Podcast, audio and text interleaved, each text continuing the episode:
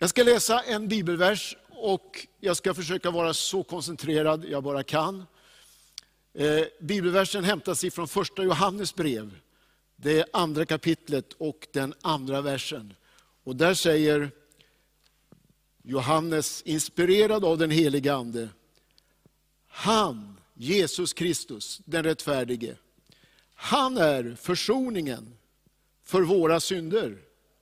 Och inte bara för våra, utan också för hela världens. Jag vet inte om du kommer ihåg det som hände nere i Thailand 2018. Jag tror att du gör det. Eh, jag har till och med någon bild.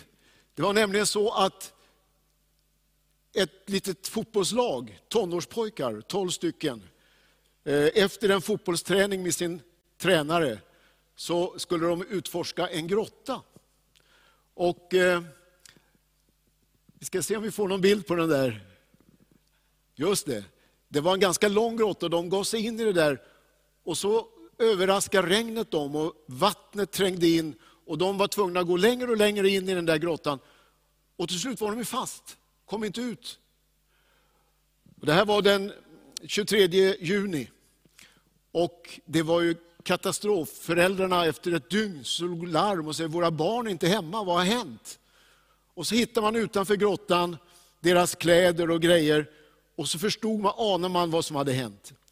Och efter en vecka ungefär, så den thailändska regeringen, de sa, vi måste ju rädda de här pojkarna. Om de nu är instängda i grottan. Och efter någon vecka så räknar man cirka tusen personer var involverade i räddningsarbetet. Och medier över hela världen följde dramat i den där grottan uppe i Chiang Rai i norra Thailand.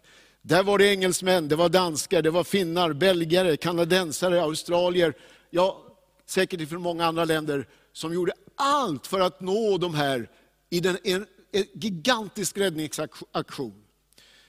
Eh, för att göra en lång historia kort. Eh, man hittar de här pojkarna. Eh, och nästa bild visar hur de satt inne i mörkret, i kölden, eh, utan mat och vatten. Men man hittade dem och kunde förse dem med lite både tröst och, och mat och vatten. Och efter ytterligare någon vecka ungefär så kunde man föra dem ut ur grottan. Eh, troligtvis var man tvungen att söva dem och, och, med dykares hjälp ta dem ut därifrån. Eh, och bilden på de där pojkarna, när de väl har kommit ut, om vi tar nästa bild, det är väl svårt att ta miste på glädjen, lättnaden både för dem och föräldrarna. En lyckad räddningsaktion, där hela världen sa, vi måste bara rädda de här pojkarna. Det vi läste i inledningsversen, det handlar om Guds räddningsplan. Guds räddningsaktion. Ett initiativ ifrån Gud själv. Bakgrunden, det är det som nämns redan i det tredje kapitlet i Bibeln. När Gud hade skapat människan i en underbar omgivning, så vet vi att redan efter bara tre kapitel så misslyckas allt därför att människan syndar. Gör sig delaktig i revolten emot Gud. Och Bibeln säger att människan är förlorad, utan räddning. Så var läget. Men Gud, han skapar en räddningsplan. Han tänkte, jag måste rädda mänskligheten. Och han skapar en plan som han själv bar inom sig som en hemlighet, säger Bibeln. Ingen visste exakt hur det skulle gå till, men Gud visste. Och redan i lustgården så avslöjar han lite grann när han säger att det kommer en dag då kvinnans avkomma ska söndertrampa ormens huvud, ormen som hade lurat människan till synd. Och så vet ni att Gud klädde dem med kläder av skinn, som också visar på att eh, ett djur var tvungen att ge sitt liv för att människan skulle få, eh, få skydd. Gud har en plan för att rädda mänskligheten. Grunden, det var Guds kärlek. Vi har sjungit om det redan. Johannes 3 och 16. Ty så älskade Gud världen, att han gav sin egen son, sin enfödde son, på det att var och en som tror på honom inte ska gå under, utan ha evigt liv. Kärleken fick ett, ett måste hos Gud. Han tänkte, jag måste rädda människan. Och det där ordet måste, det finns med oss i den, den här frälsningsplanen som Gud gjorde upp. Det första det är att han sänder sin egen son, Jesus Kristus. Det här var långt utöver vad någon hade kunnat tänka och trott. Och vår fiende hade inte en aning om vad som hände. Men Jesus kommer, Guds egen son. Och det står det att han måste, han måste i allt bli lik sina bröder för att bli en barmhärtig och trogen överstepräst inför Gud och sona folkets synder. Det fanns ett måste med där. Han måste bli människa. Och Jesus kommer. Och när vi läser Jesu liv så ser vi att det här, det här ordet måste, det finns där. Han drivs av samma räddningsplan som Gud har gjort upp. Vi möter det redan när Jesus som tolvåring i templet, när föräldrarna liksom tappar honom Eh, under besöket i Jerusalem. Och när föräldrarna efter några dagar hittar honom igen, så säger han, jag måste ägna mig åt det som tillhör min fader. Jesus han drevs av passionen att ingå i denna Guds frälsningsplan. Hela Jesu liv präglades av detta. När man sa till honom, alla söker efter dig Jesus, nu börjar du bli populär. Gå ner till Jerusalem, där folket finns och där makten är och där pengarna finns. Nej, sa Jesus, vi går åt ett annat håll, till byarna här omkring så att jag kan predika där också. Jag måste nå alla människor. Jesus, han lydde, hade det funnits managementkonsulter så hade de ju gett det rådet till Jesus, gå till Jerusalem. Hitta duktigt folk. Samla några duktiga teologer, några dukt, skarpa ekonomer, några jätteduktiga kommunikatörer. Så att du kan verkligen påverka din omgivning under bara tre år. Jesus hade sin plan. Han valde sina tolv lärjungar, enkla män och folket. Och så drevs han av det här, jag måste, jag måste. Där det står i Johannes 4 att han skulle gå och möta den här kvinnan, som vi kallar för den samariska kvinnan, så står det Jesus, han måste ta vägen genom Samarien. Nej, det måste han inte alls. I vanliga fall gick man en helt annan väg och undvek att gå där. Men Jesus hade ett måste i sitt liv. Jag måste dit därför att det fanns en kvinna och det fanns en stad som behövde uppleva förvandling och hjälp. Och framför allt så står det i Lukas evangeliet, det nionde kapitlet, vers 51. När tiden var inne för Jesus att bli upptagen till himmelen, beslutade han sig för att gå till Jerusalem. Alltså Jesus skulle bli upptagen till himlen. Och då beslutade han sig för att gå till Jerusalem. Hade det inte varit bättre att göra himmelsfärd från förklaringsberget, när himlen var så nära? När, när liksom allt andades gudomlighet? Nej. Tänk om Jesus skulle gjort himmelsfärd efter brödundret, när alla förundrades över hans makt och hans möjligheter.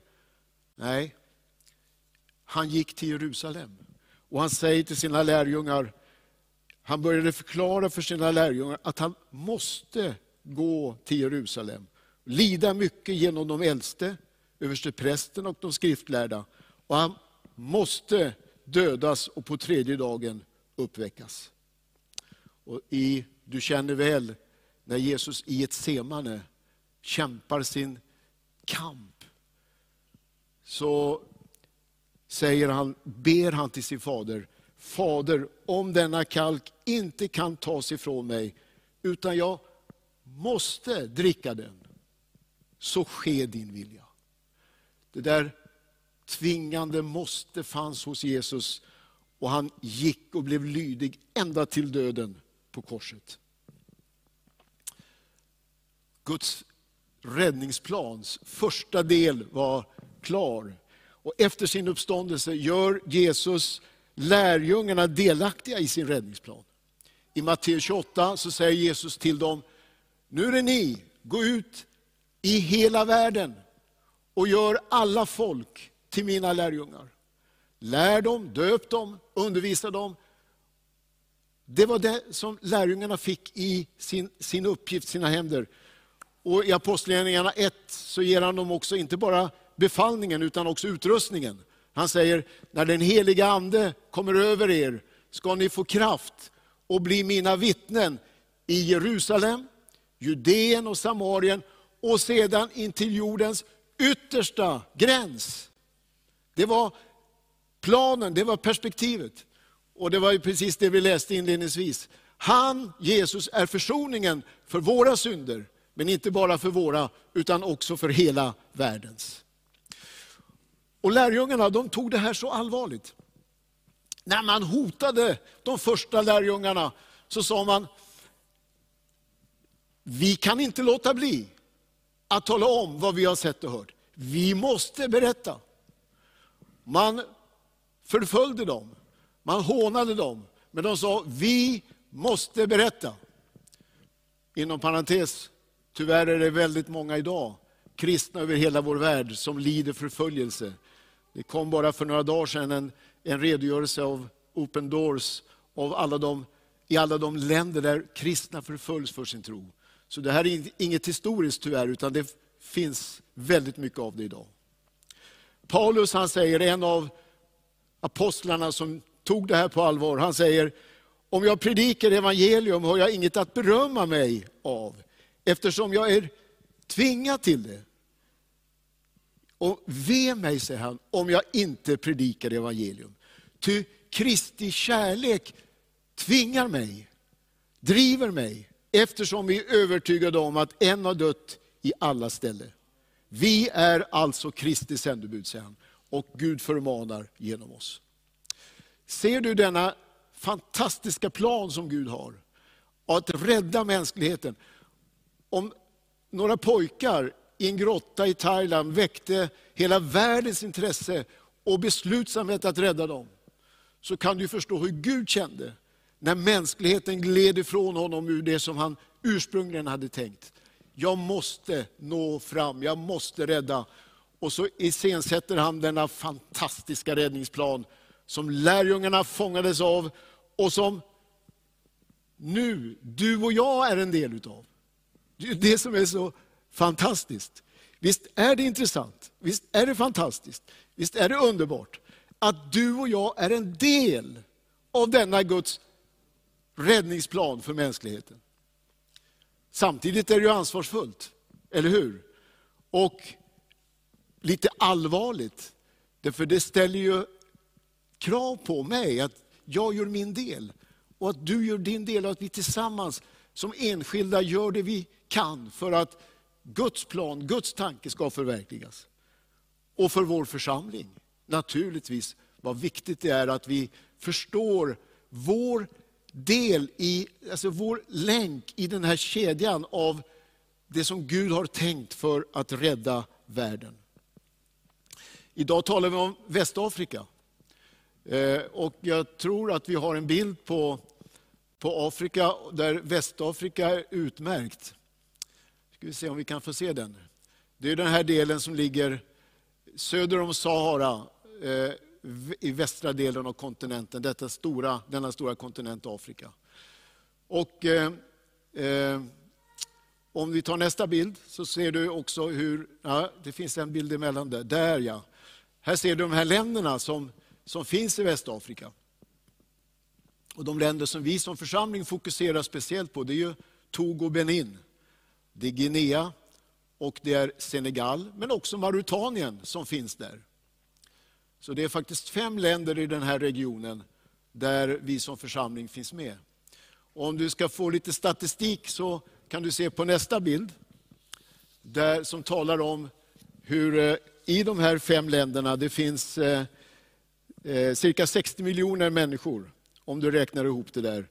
Och bland de här så finns det 92 folkgrupper som vi kallar för onådda, alltså som inte har hört evangelium än. Som behöver få höra, som ingår i denna Guds räddningsplan. Och eh, om du räknar ihop befolkningen av de här 92 grupperna så är det cirka 33 miljoner. Och där har vi fått förmånen och ansvaret att vara med och ge evangelium som en del av det Gud har tänkt, Guds stora räddningsplan. En dag ska räddningsplanen fullbordas. Gud fullbordar alltid det han börjar. Står i, när Gud gjorde skapelsen, så står det på den sjätte dagen så fullbordade Gud sin skapelse. Alltså det Gud börjar med, det, det fullbordar han alltid. Och det han börjar i våra liv, det vill han också fullborda. Han som har börjat ett gott verk i er, han ska fullborda det. Och Guds tanke, Guds räddningsplan, den ska också fullbordas. Och vi vet ju, vi har ju läst sista kapitlet i mänsklighetens historia. Vet du om att du kan läsa det? Det kallas för Uppenbarelseboken. Här har du, här har du det sista kapitlet. Eh, helt nyligen så tänkte jag på hur det var när, jag, när man var ung. Det kan ju vara så att det hänger kvar lite ännu faktiskt. Om man är mitt uppe i en väldigt spännande bok och det är väldigt kritiskt för personen i fråga som är liksom huvudpersonen. Och, och sen har du inte möjlighet att fortsätta att läsa utan du måste avbryta. Och så var det ju när man var liten, mamma ropade på mat och man bläddrade, fuskade lite och bläddrade till sista kapitlet. Och såg, åh, ja, men de klarar sig. Eller ja, de får varandra, eller hur det nu slutar. Du, vi har läst sista kapitlet. Vi vet, Guds räddningsplan kommer att fullbordas. Man lyckades rädda de här tolv pojkarna och deras ledare ut ur den där grottan, mot alla odds. Guds frälsningsplan kommer att fullbordas. Och vi har faktiskt summeringen där det står, en dag ska folk ur alla folkslag och stammar och länder och språk stå inför Guds tron. Gud hade sin frälsningsplan, han fullbordade den och den lyckades. Och det kommer en dag sägas, precis som det står om skapelsen, Gud såg att det var mycket gott. Vi är en del utav ett gigantiskt räddningsinitiativ ifrån Gud. Du är med, jag är med. Vilken förmån! Vilken... Jag vet inte vilket ord man ska hitta, men det, det hisnar att Gud räknar med mig och med dig i det som han har planerat och det han började med genom Jesus Kristus. Ska vi be tillsammans? Herre, tack för denna din plan att rädda oss alla, hela världen, ifrån våra synder och ge oss en plats i det rike som du har planerat från början för oss. Jag ber om din välsignelse över oss var och en. Jag ber för den speciellt som är med den här förmiddagen, eller senare ser och ännu inte är en personligt kristen. Jag ber att en sådan person ska få göra sin frälsningsupplevelse, ta emot dig som sin frälsare. Du är ju försoningen för våra synder. Men inte bara för våra, utan för hela världens. Tack att du hjälper oss i Västafrika att nå ut med evangelium. Att alla de här folkgrupperna får höra att det finns räddning och hjälp. Tack för förmånen att vi får vara med. I Jesu namn. Amen.